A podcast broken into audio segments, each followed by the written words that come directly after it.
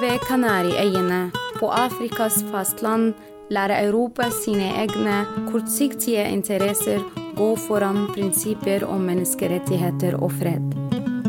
Velkommen til Sandfast, vår podkast om Vest-Sahara, den siste kolonien på det afrikanske kontinent.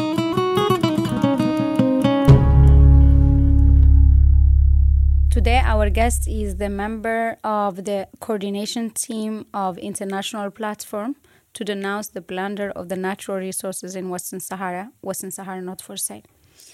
Mahfoud, uh, right now you are in Oslo to take part in a couple of public seminars relating to Morocco, Morocco's exploitation of natural resources in Western Sahara. Mahfoud, we know each other from before because both of us from the camps. Welcome. Thank you. Thank you, Asria, for having me, and very glad to be here in, in Oslo. In the snow. Yeah. You just well. been come from the camps?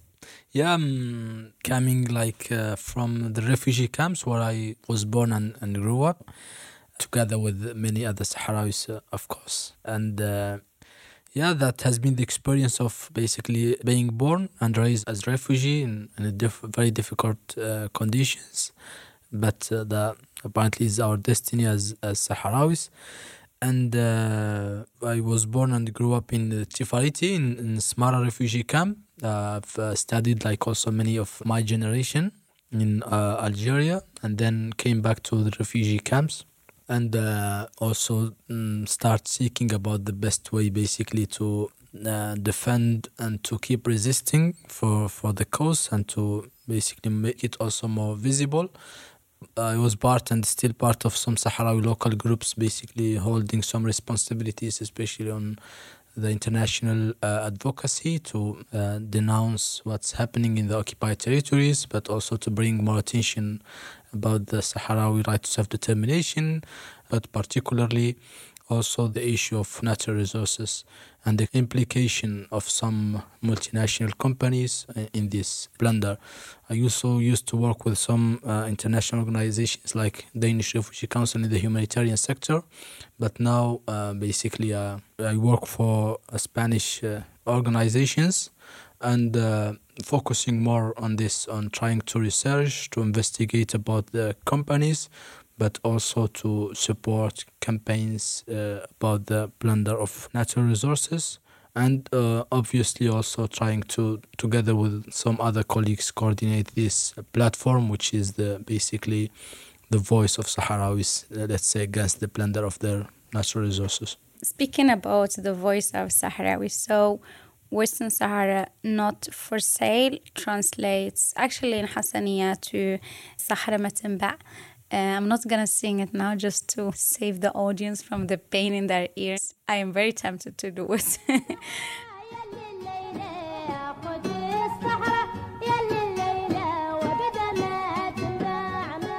We are playing now part of this song, and it's very famous song that myself and Mahfoud and many many Sahrawis from the in the camps and occupied territories, we grow up listening to this song with our moms, you know, singing this song. Is that where the name come from?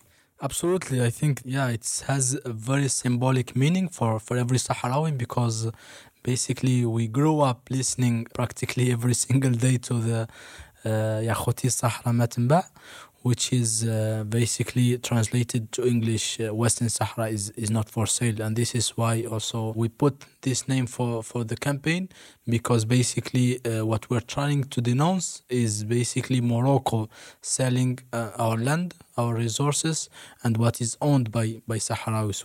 What is Western Sahara not for sale? Uh, so yeah, it, it's coming from uh, from there, and we think it has this very uh, symbolic meaning, and uh, we work uh, on that to denounce what some companies are doing in selling basically and uh, exporting our natural resources and our land. So I think it uh, for Sahrawis when they hear uh, Sahara Matimba Western Sahara is uh, is not for sale.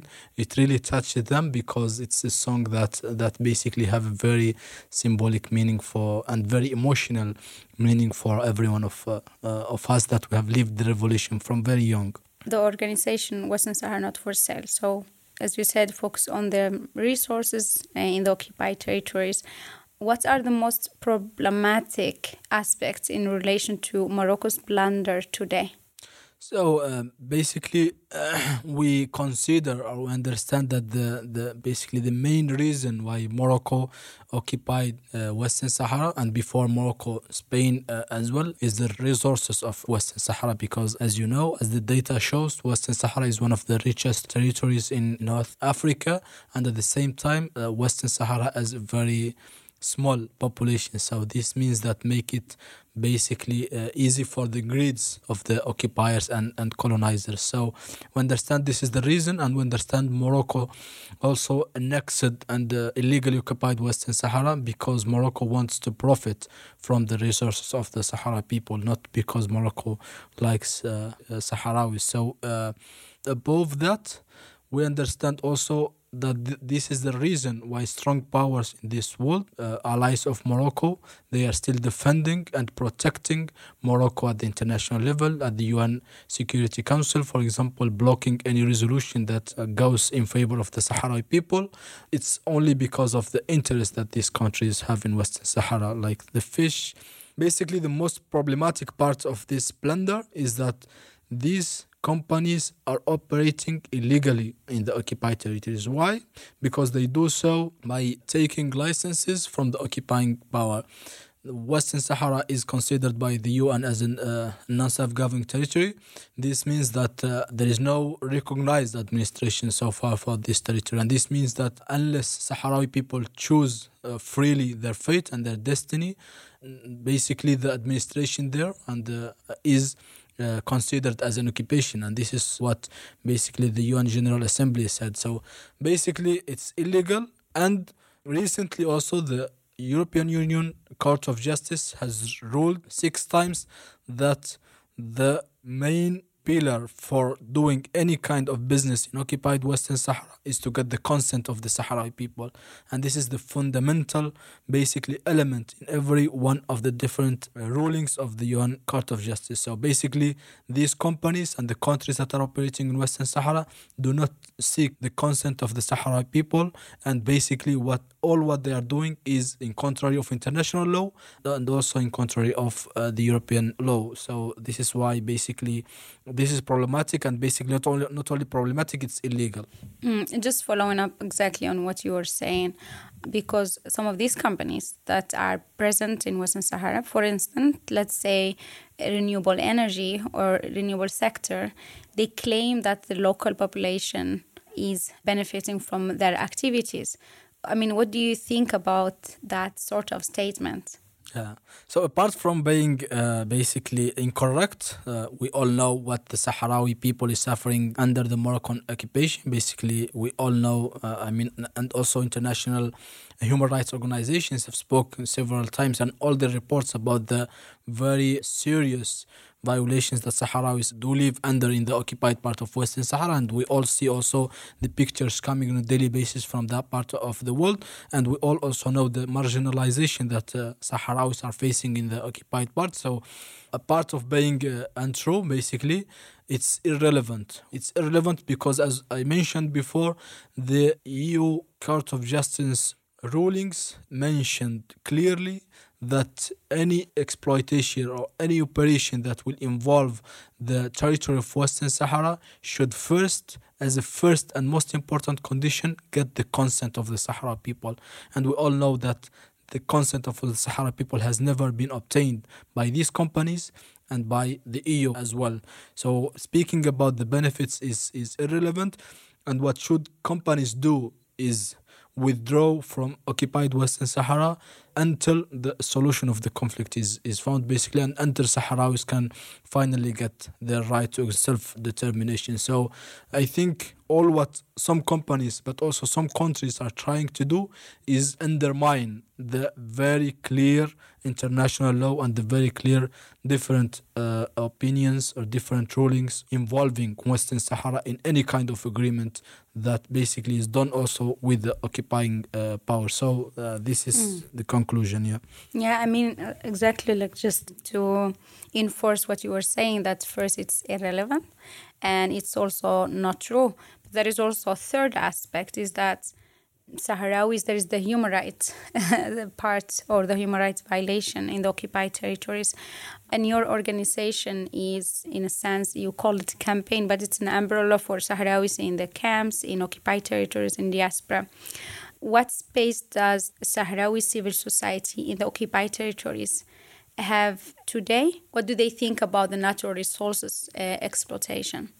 Well, I think uh, some groups from the occupied territories are already working and especially documenting the exploitations of Western Sahara natural resources and the operations that some companies are uh, are doing there. And they have made it clear in several occasions that uh, these companies should basically cease and should withdraw from occupied Western Sahara and should also stop any kind of treatment with the Moroccan occupation. Why? I mean, this involvement by these companies as basically the support to the barbaric human rights abuses that they are facing. So these companies, by their involvement, is basically normalizing a situation of military occupation and the situation of violation of international law and the situation of very systematic and very grave, basically human rights violations that Morocco is enduring in against every Sahrawi, against Sahrawis in general, but especially those who dare to claim basically their basic right in self-determination and those who make associations or just dare to, to mention the reality of what's happening in the occupied territory of Western Sahara. So, Western Sahara is not for sale. Basically, Try to make a platform for those people in the occupied territories, not only the organizations that work particularly in denouncing the plunder of natural resources, but also those in the refugee camps because I think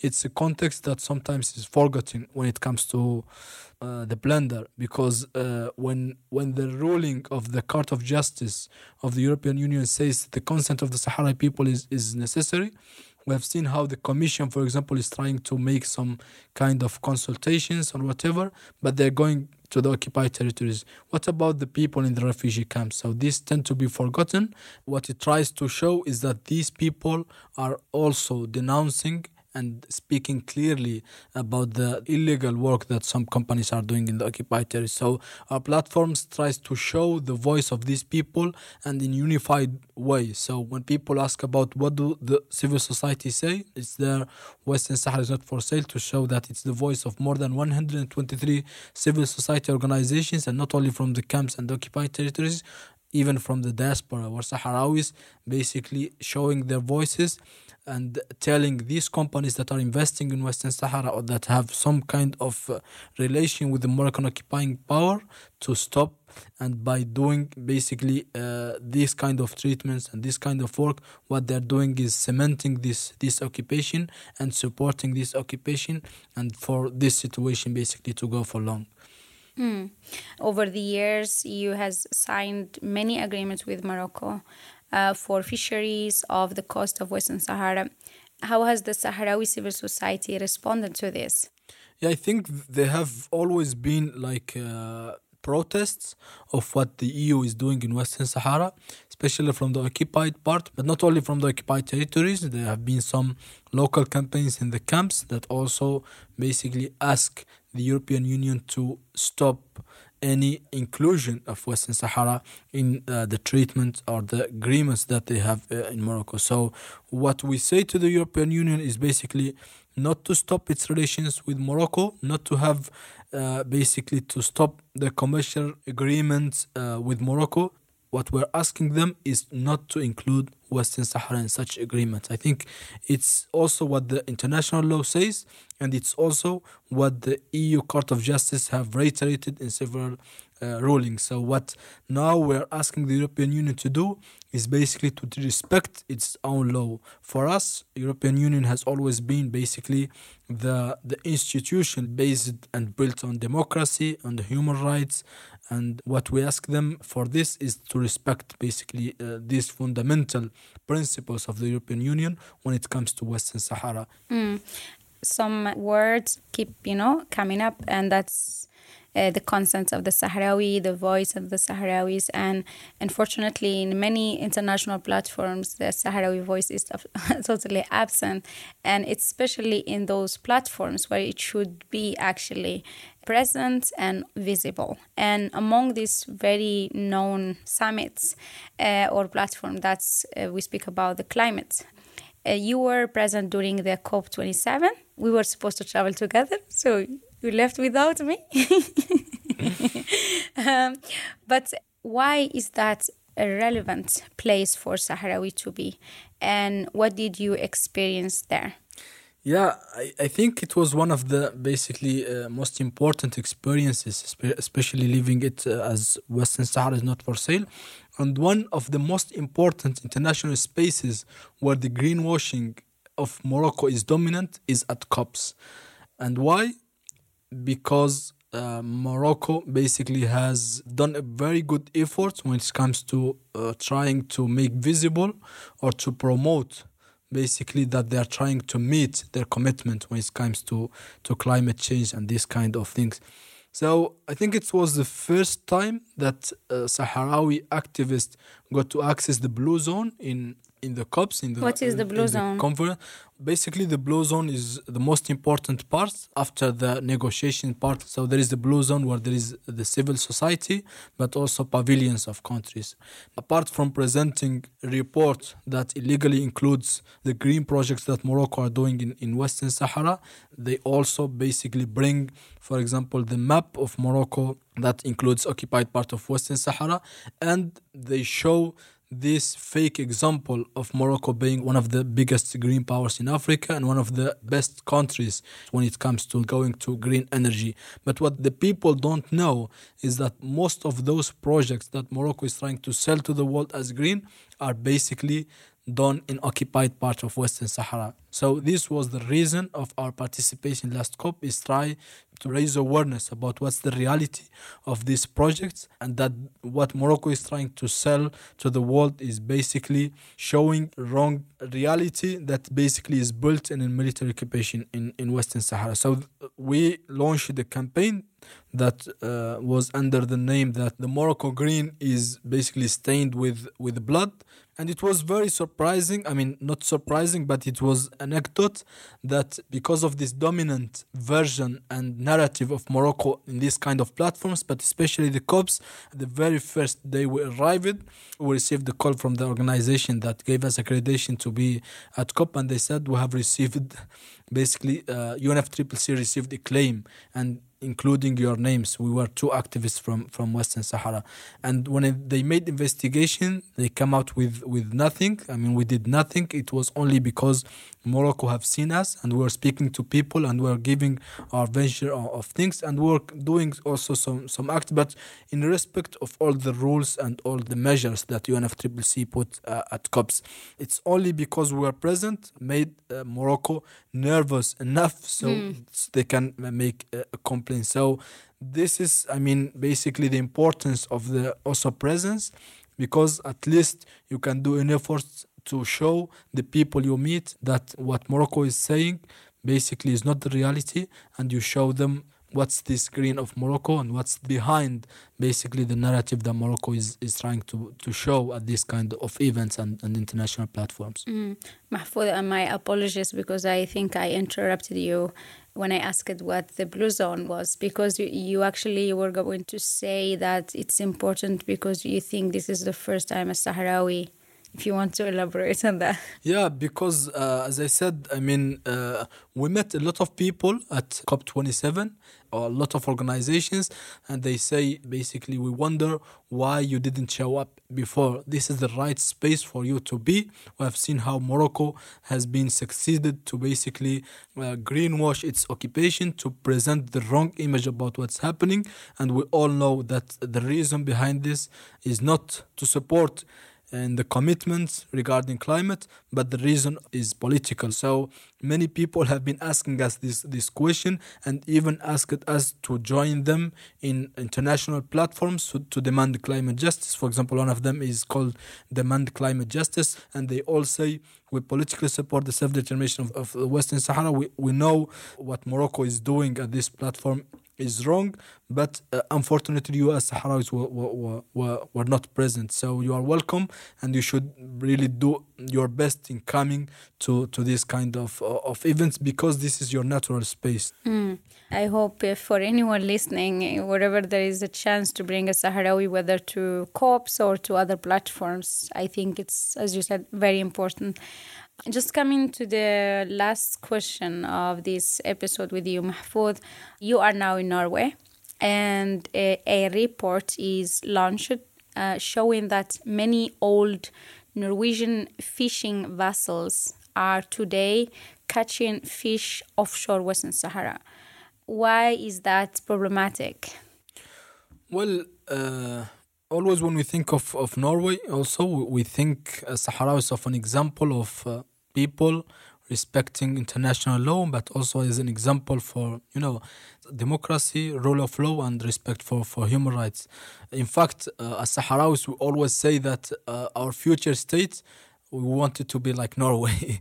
this is why it's uh, it's really um, bad news to know that uh, that Norway is involved in a way in this illicit and uh, illegal plunder of natural resources and that happening uh, in contrary of international law of European law and uh, against the will of Sahrawi people so uh, we I mean, we are sad to learn that there are some boats of Norway that are still basically involved in the operations in, in, in, Western Sahara. And what we hope is that the Norwegian government, but also the Norwegian civil society, basically do more uh, work and do more efforts so that Norway can have no involvement in basically supporting the occupation and supporting the uh, the exploitation and the plunder of natural resources in, in, in Western Sahara. Because as I said before the picture we want for us to remain for Norway is that's the best uh, example that we want to follow and we hopefully also want to hear more of support from Norway to the Sahrawi people's right to self-determination and to um, basically uh, also to uh, clearly have a position against the Moroccan occupation of Western Sahara. Hmm. Now we are coming uh, to the end of this episode. Um, Mahfoud, Western Sahara not for sale. Where can people find more information about uh, the organization and the work you do?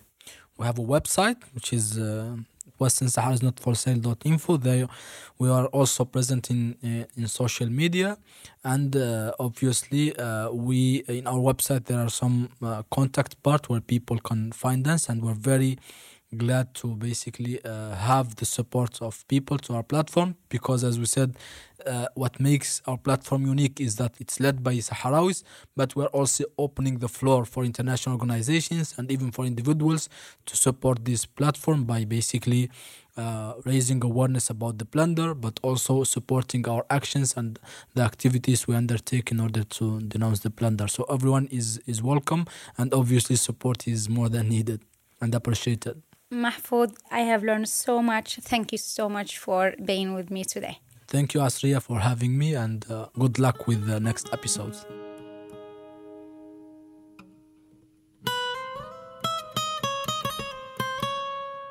Hvis du vil lære mer om Vest-Sahara, gå inn på vest-sahara.no.